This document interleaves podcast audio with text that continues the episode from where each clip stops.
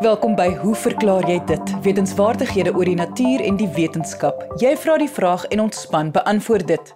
My naam is Lise Swart en ons paneelkenners vandag is ekoloog Dave Peppler en herpetoloog professor Lefras Meton. As jy 'n vraag het, stuur jou e-pos na lise@rsg.co.za.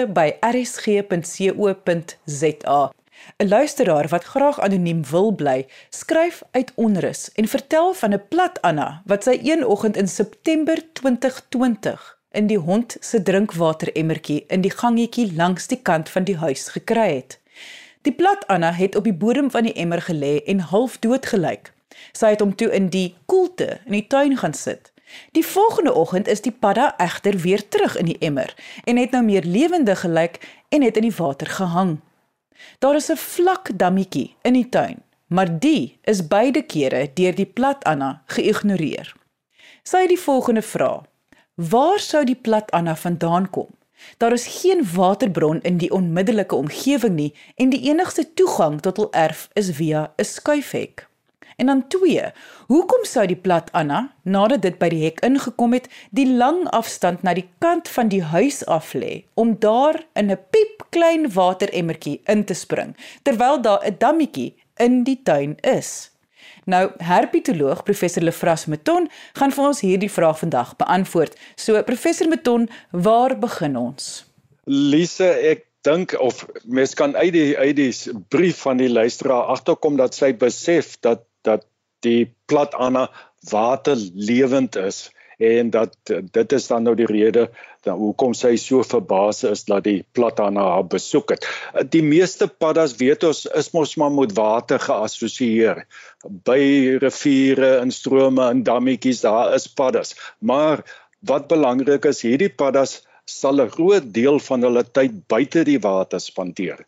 En uh dan ag, dink tog maar hulle eet buite die water as die mannetjies byvoorbeeld in paartyd roep dan sit hulle buite die buite die water. Plat anders aan die ander kant is permanent waterlewend. Hulle bly onder die water. Hulle doen alles onder die water. Hulle eet onder die water, paar onder die water en ons kan later 'n bietjie praat ook die mannetjies roep onder die water. Dit is net wanneer hulle van een waterbron na 'n ander waterbron verskuif dat hulle op land sal verskyn. Ek weet nie of professor die koerantberig vroeër vanjaar gesien het waar mense uit dieselfde omgewing, die onrus, vertel het hoe die plat anders gereën het nie.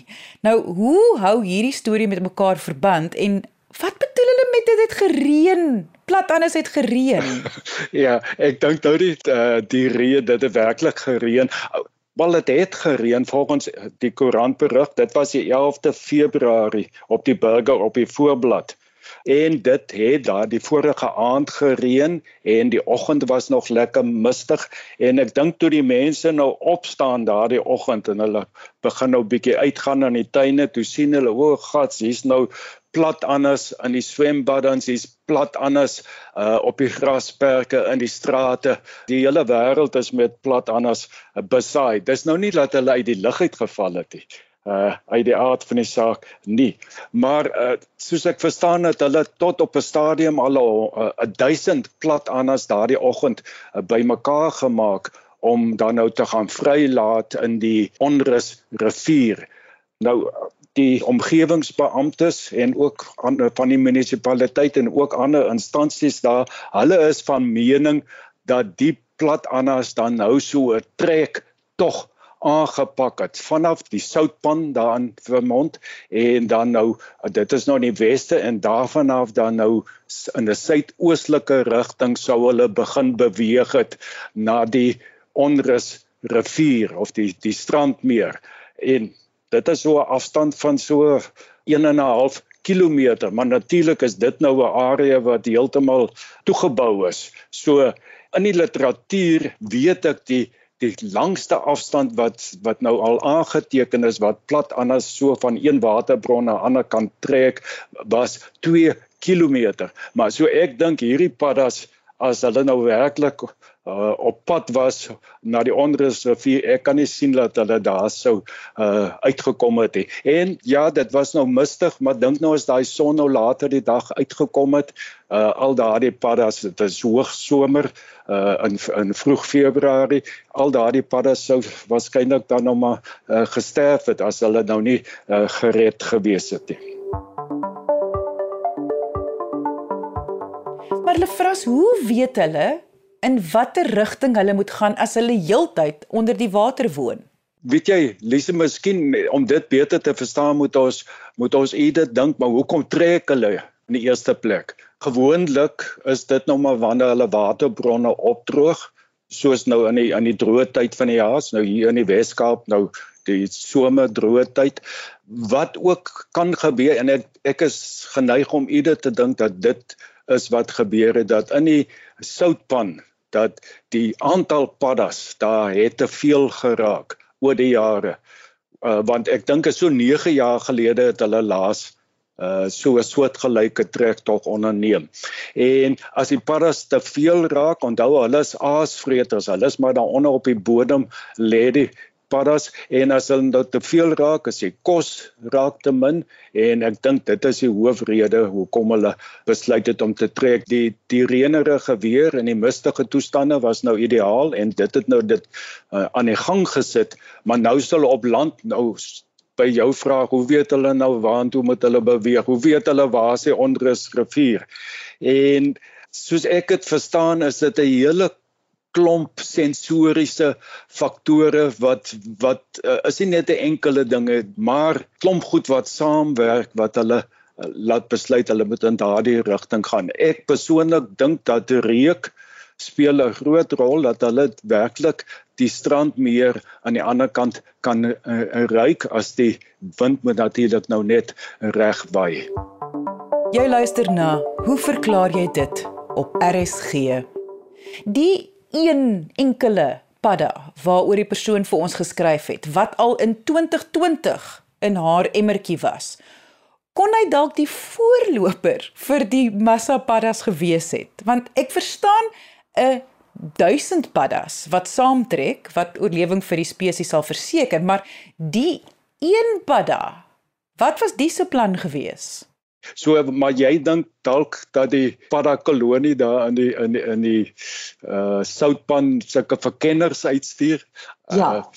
Uh, nee, nee ek ek glo nie. Maar kom ons kom ons gesels nou net gou oor oor hierdie enkele plat Anna wat by die dame se se huis opgedaag het.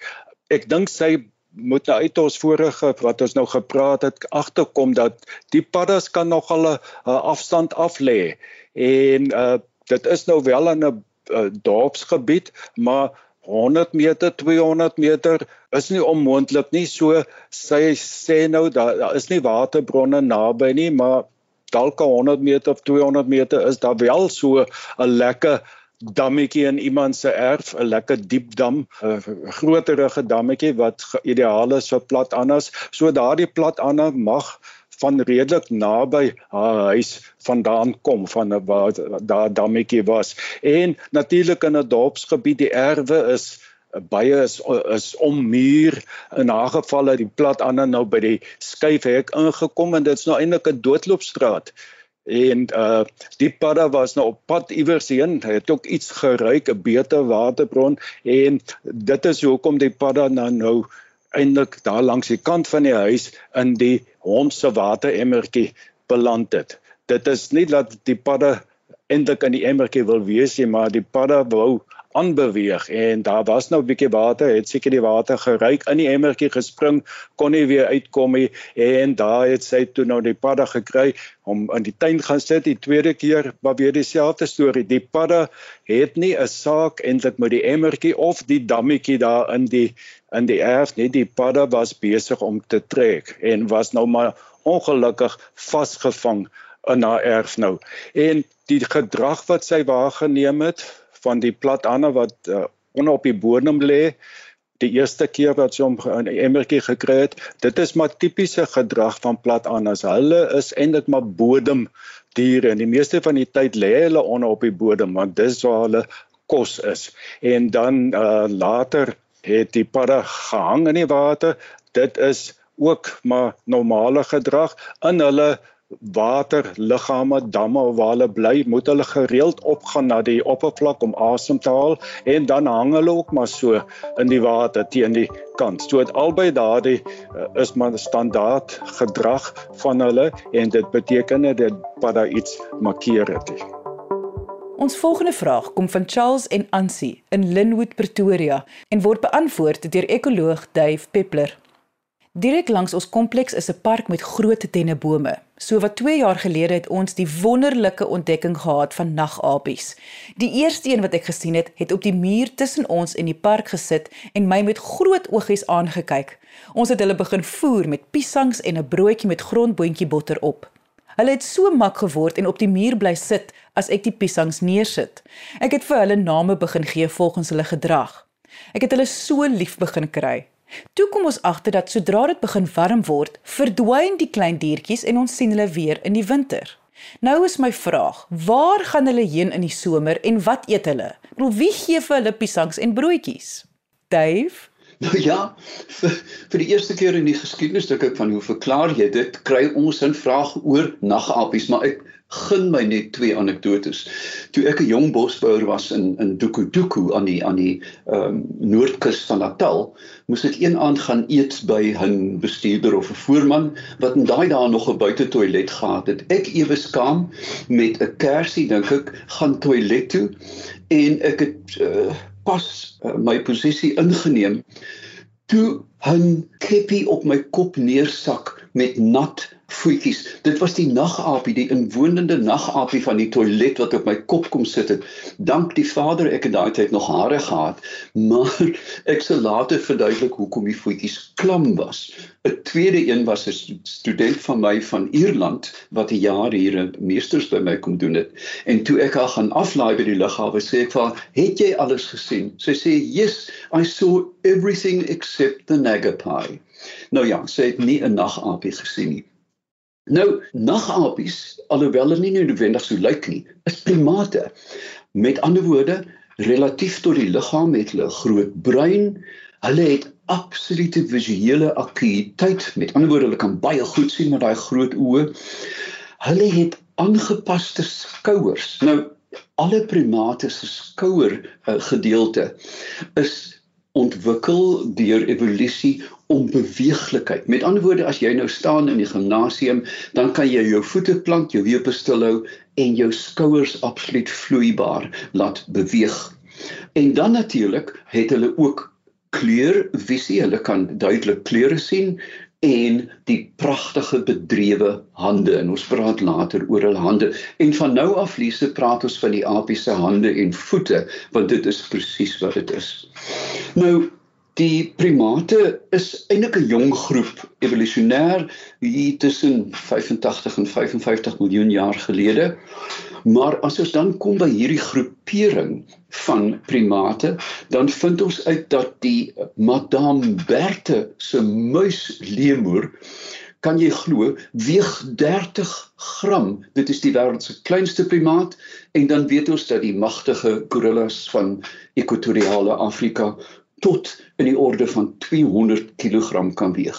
Die primate se visie troon uit in akkuïteit bo reuk.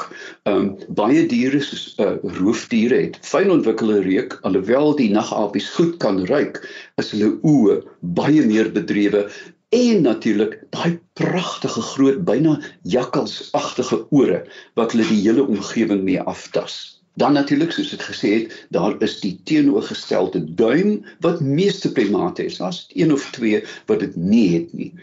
En daar is ook uh, by die primate gewoonlik seksuele dimorfisme.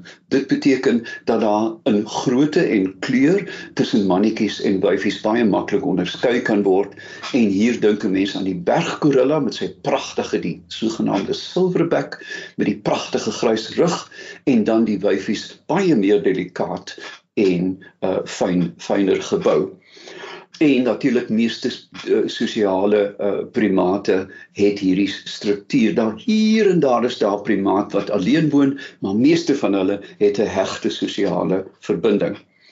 As 'n mens na die stamboom van die primate kyk of die sogenaamde filogenetika, dan kom ons maak dit in 'n tabelvorm met die mens heel bo. Ons naaste verwante primaat is natuurlik die sjimpansee en by name die bonobo, dan die groot ape.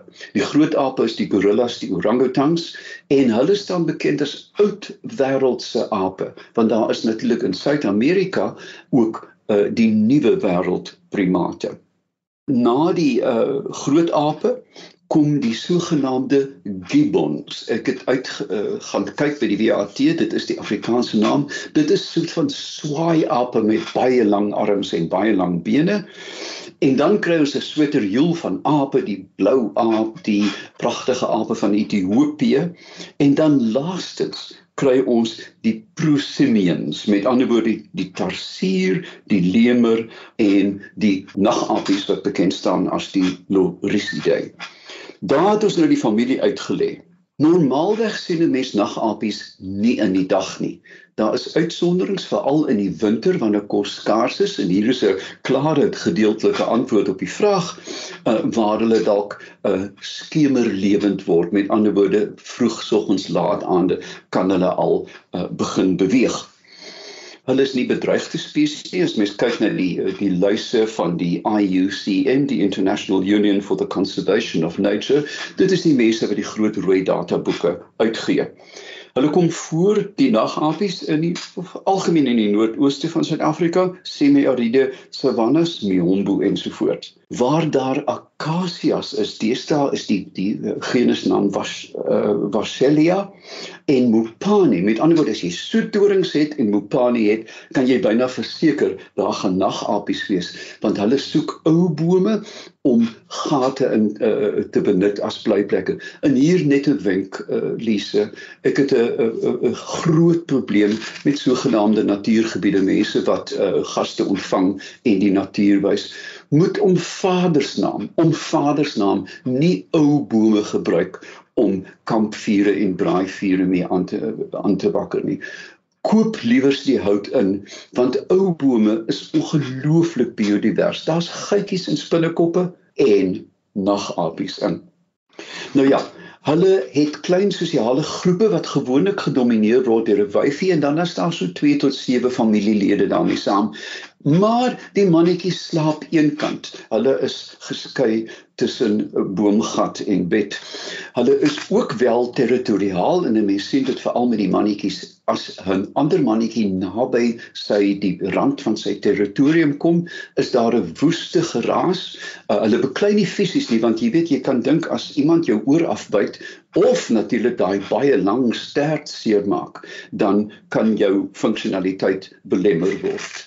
Die opsigtelike en en groot kenmerke is drie goed: die reuse oë, die reuse ore en daai pragtige lang uh, klos stert wat langer as die liggaam is. Hierdie diertjies vreet hoofsaaklik insekte en dan ook is hulle baie lief vir boomgom. Daar is 'n vermoede dat daar 'n uh, 'n simbiose bestaan tussen die die uh doringbome, die veral die soetdorings en die nagapies wat dan die insek pla op die doringbome eet in ruil vir gom. Dis 'n boeiende gedagte. Hulle het 'n um, baie interessante uh, repertorium van roepe, daar's omtrent 25 van hulle, maar ons is alom bekend met daai babietjie wat so in die nag skree. Mense sê, "Waar is die kind?" Dan is dit 'n nagapie. Hulle kan ongelooflik ver spring en veral met daai lang lang stert wat dan 'n teenbalans is teen die beweging. Met ander woorde, as hulle spring, kan jy sien dat die stert soms so kurktrekker beweging maak om die diertjie in sy vlug te stabiliseer. Wie vreet hulle? uile, muskiaatkatte, swetkatte, die uh, valboskat en slange. So hulle is nie veilig teen predasie nie en natuurlik met die baie groot oë het hulle 'n voordeel om moeilikheid te sien aankom. Charles en Ansie, daar het ek nou 'n lang relaas oor die uh, agtergrond van julle diertjies. Ek vermoed julle besoekers benut alternatiewe voedsel wanneer daar 'n premie op kos in die veld is. Met ander woorde, julle voer piesangs en wat ook al as die kos skaars is en dan met die goeie reën soos verjaar en die warm somer weer verdwyn ta want die spyskaart in die bos is heelwat beter as in die voorstad.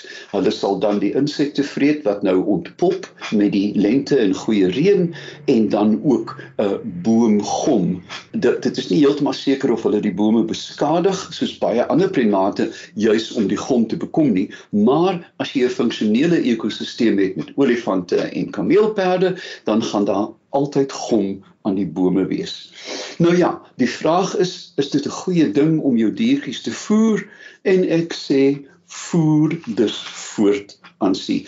Ons is so afgesny van die natuur en hierdie klein diertjies wat ons liefdevol versorg is 'n skakel na die wêreld daar buite en dit hou ons geaard. Jy luister na Hoe verklaar jy dit op RSG? En dit was ekoloog Dave Peppler. Ons sluit vandag se program af met herpetoloog professor Lefras Meton wat vir ons nog interessante feite oor die plat annas gaan vertel. Baie keer tydens opnames met die paneel gesels ons oor ekstra feite wat as gevolg van tyd nie altyd in die program kan wees nie. Maar hierdie feite was vir my so interessant geweest dat ek gevoel het ek gaan dit in vandag se program sit. Na die mens is die plat anna seker die dier waarop daar nog waar dat die meeste navorsing al ooit gedoen is. En die rede daarvoor is dat is dat plat anna is 'n is 'n baie geskikte laboratoriumdier. So dit word in al die mediese navorsing gebruik vir eksperimente en toetsing en so voort. So oor oor die jare is daar al baie baie publikasies op hulle gedoen. Een van die van die interessantste dinge vir my van plat anders is hoe die mannetjies dan nou roep. Hulle doen dit ook onder die water, maar 'n normale paddas wat nou bo die water sit wanneer hulle roep, hulle het mos uh, vokale sakke wat ons noem waar wat hulle vol lug trek en dan stoot hulle die lug oor die larynx en dan produseer dit dan nou hierdie uh, baie pragtige klanke wat hulle kan voortbring. Maar 'n plat ander daar onder die water, hy kan nou nie uh, 'n klomp lug in asem of in hierdie uh, vokale sakke inforseer want dan gaan hy opstyg na die oppervlak toe. So wat hulle maak, hulle het sulke kraakbeenstafies in die larynx en hierdie kraakbeenstafies word te mekaar gekap en dan maak dit sulke klikgeluide en dit is die die klanke wat hulle voortbring so 'n reeks klikke baie baie interessant dan is daar nog 'n hele klomp ander eienskappe wat plat annas het wat wys dat hulle permanent waterlewend is. Uh, hulle het byvoorbeeld nie ooglede nie. Paddas al die ander gewone paddas het ooglede want as as hulle buite sit dan moet hulle gereeld die ooglede knip om die oogballe klam te hou. En nog ook interessant die gewone paddas wat baie tyd buite spandeer het baie duidelike oortromme uh vliese aan die buitekant, uh, tromvliese wat mense uh, mooi kan sien en terwyl plat anders het natuurlik geen geen uh ore nie, uitwendige oortromme nie. En dan natuurlik vir my die heel interessantste ding is die gebruik van plat anders dit is hierso van die 30e jare tot hier rondom 1960 'n hele 30 jaar lank is plat anders gebruik in 'n uh, swangerskap toetse. Die urine van 'n verwagtende of potensieel verwagtende vrou word ingespuit by die plat anna en as as die vrou verwagtend is, dan gaan hy plat anna binne enkele ure gaan die plat anna eiers lê want die vrou se urine as sy verwagtend is bevat 'n uh, uh, dan 'n uh, sekere hormoon en daardie hormoon het dan uh hierdie effek op die op die plat ander wyfies dat hulle sal eiers lê. So ja, en dit was dit was dan nou 'n baie uh akkurate manier, 'n uh, bietjie omslagtig, maar uh, ja, dit is hoe, hoe swangerskap dan nou bepaal is by vrouens. En dit was herpetoloog professor Lefras Meton. Indien jy 'n vraag het, stuur jou e-pos na lise@rsg.co.za. Ek sê baie dankie aan ons kenners en vraagstellers vandag. Onthou om altyd nuuskierig te bly en vra te vra. Tot volgende week net hier op RSG saam met my Lise Swart. Totsiens.